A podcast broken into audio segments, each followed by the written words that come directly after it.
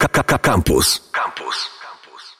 Myślę, że wszyscy nasi słuchacze kochają podróżować. Zresztą podróżowanie w Polsce stało się coraz bardziej popularne i być może ci, którzy tak bardzo tęskną, już zaczęli odgrzebywać jakieś swoje stare albumy albo wymyślają, jaki bilet kupią, gdy tylko granice się otworzą. My za to dzisiaj wirtualnie i radiowo, ale jednak teleportujemy Was do Norwegii, bo tam właśnie znajduje się mój gość, Sylwia Smułkowska. Dzień dobry, cześć. Dzień dobry, witam Was bardzo serdecznie pozdrawiam prosto z Oslo. Bardzo dziękujemy za pozdrowienia. To już zdradziłaś, w jakim mieście jesteś, zatem ja zapytam, bo twój blog nazywa się Kierunek Norwegia i tak się zastanawiam, dlaczego spośród tylu kierunków, które można wybrać, wybrałaś akurat Norwegię? Szczerze mówiąc, to Norwegia wybrała mnie i to był e, zupełny przypadek, to jak tutaj się znalazłam. Pewnego dnia po prostu mój chłopak dostał propozycję pracy i stwierdziliśmy, czemu nie? Absolutnie nie myśleliśmy o wyjeździe, mieliśmy poukładane życie w Polsce, ale stwierdziliśmy, że czemu nie? Taka przygoda po prostu. Traktowaliśmy to początkowo jako wyjazd maksymalnie na pół roku, a w listopadzie minie już 4 lata, odkąd tutaj mieszkam. I tak właśnie jest to z Norwegią. Absolutnie wcześniej nie planowałam wyjazdu za granicę, miałam w miarę poukładane życie w Polsce. To był zupełny, kompletny przypadek. Tak się zastanawiam, czy to jest trudno tak wszystko jednego dnia zostawić, poukładane życie w Polsce i wyjechać gdzieś, spakować walizkę i powiedzieć, zaczynam nowe życie, no bo to jest trochę nowe życie. To jest nawet e, bardzo nowe życie i myślę, że ja w ogóle nie byłam świadoma i myślę, że gdybym wiedziała to, co wiem teraz, to drugi raz nie wiem, czy bym się zdecydowała na tak spontaniczną decyzję. Trudno było przede wszystkim e, logistycznie to rozegrać, bo trzeba było rozwiązać umowy. Ja prowadziłam firmę w Polsce,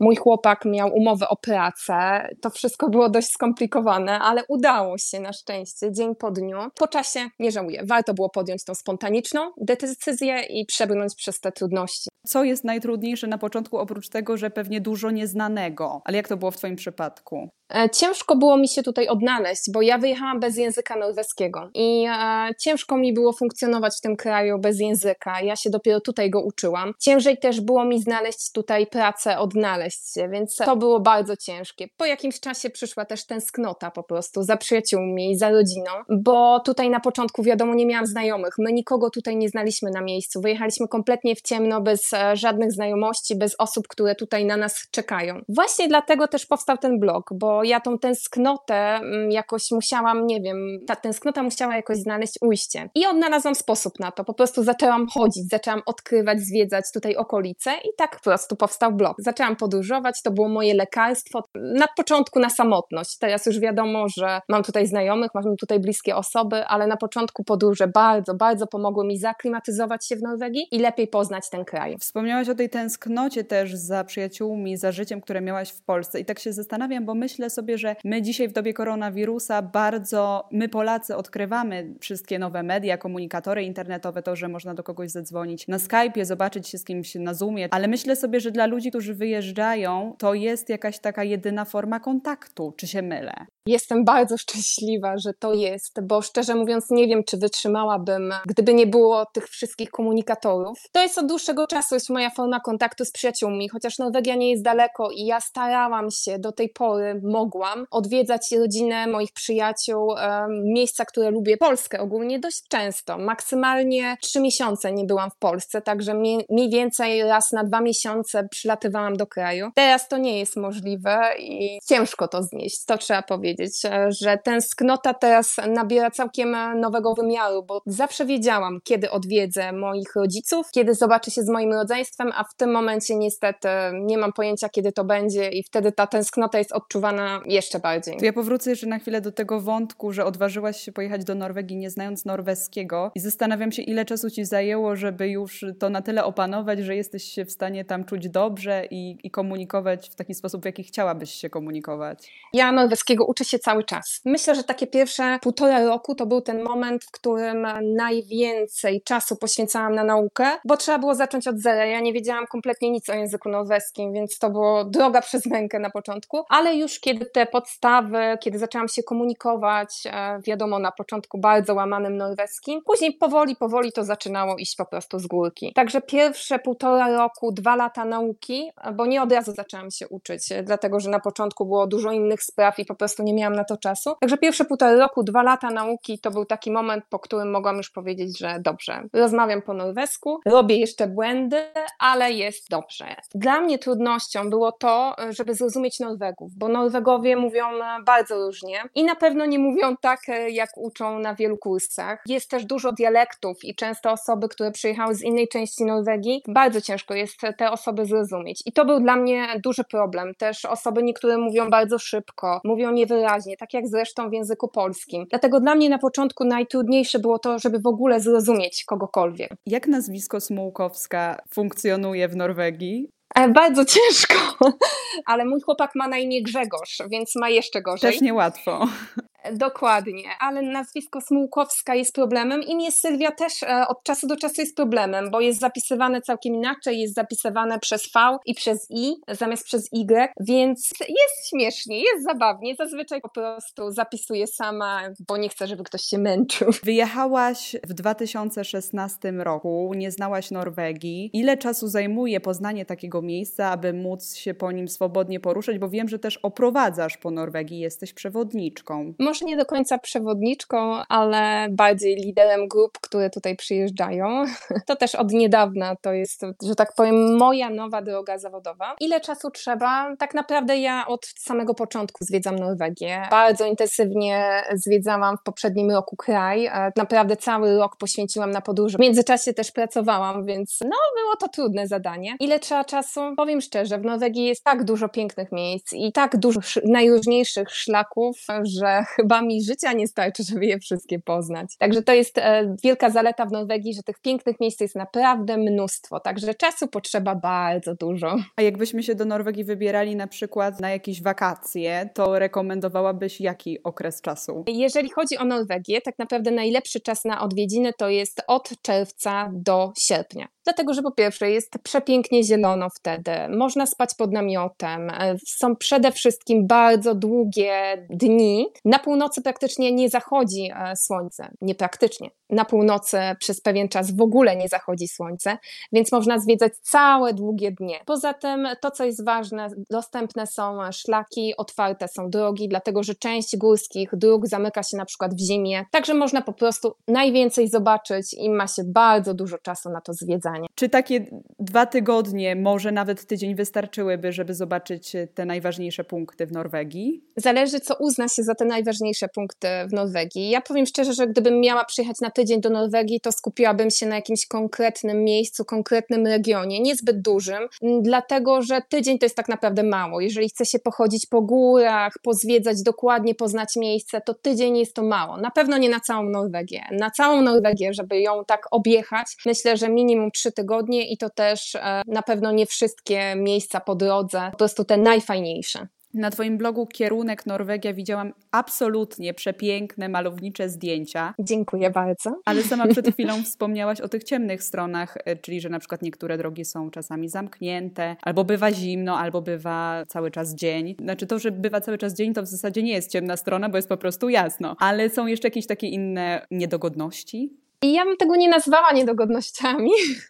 ja już się przyzwyczaiłam, bardzo lubię na przykład deszczową pogodę, więc mi to nie przeszkadza. Ale ogólnie, jeżeli chodzi o niedogodności, to bardzo, ale to bardzo zależy od regionu Norwegii, bo Norwegia jest bardzo długim krajem, ma ponad 1700 km długości, tak od południa do północy, więc jest bardzo różna pogoda, bardzo różnie żyje się w zależności od lokalizacji. I tutaj to jest takim czynnikiem decydującym o tym, jak się odbiera Norwegię. Ja na co dzień mieszkam mieszkam w Oslo. W Oslo pogoda jest szczerze mówiąc porównywalna do tej, jaka była w Gdyni, kiedy mieszkałam w Gdyni. Nie odczułam absolutnie żadnej różnicy. Ale na przykład na północy żyje się już całkiem inaczej. Inaczej żyje się też w okolicach Bergen, gdzie bardzo dużo pada deszczu. Więc te niedogodności to się różnią właśnie bardzo w zależności od lokalizacji, jaką się wybierze i na podróż, i tak do życia, do zamieszkania w tym kraju. Sylwia, może to jest takie bardzo prozaiczne pytanie, ale ja sobie teraz pomyślałam, że ja nie wiem, jakie są tradycyjne dania Norwegii. Czy jest coś takiego? Wiesz co? Żartobliwie każdy ci odpowie, że to jest mrożona pizza. I coś w tym jest, bo jest norweska mrożona pizza, którą je się tutaj na potęgę. Bardzo dużo się jej spożywa. To jest też po części dobry marketing, po części tradycja. Takie typowe dania norweskie to też takosy.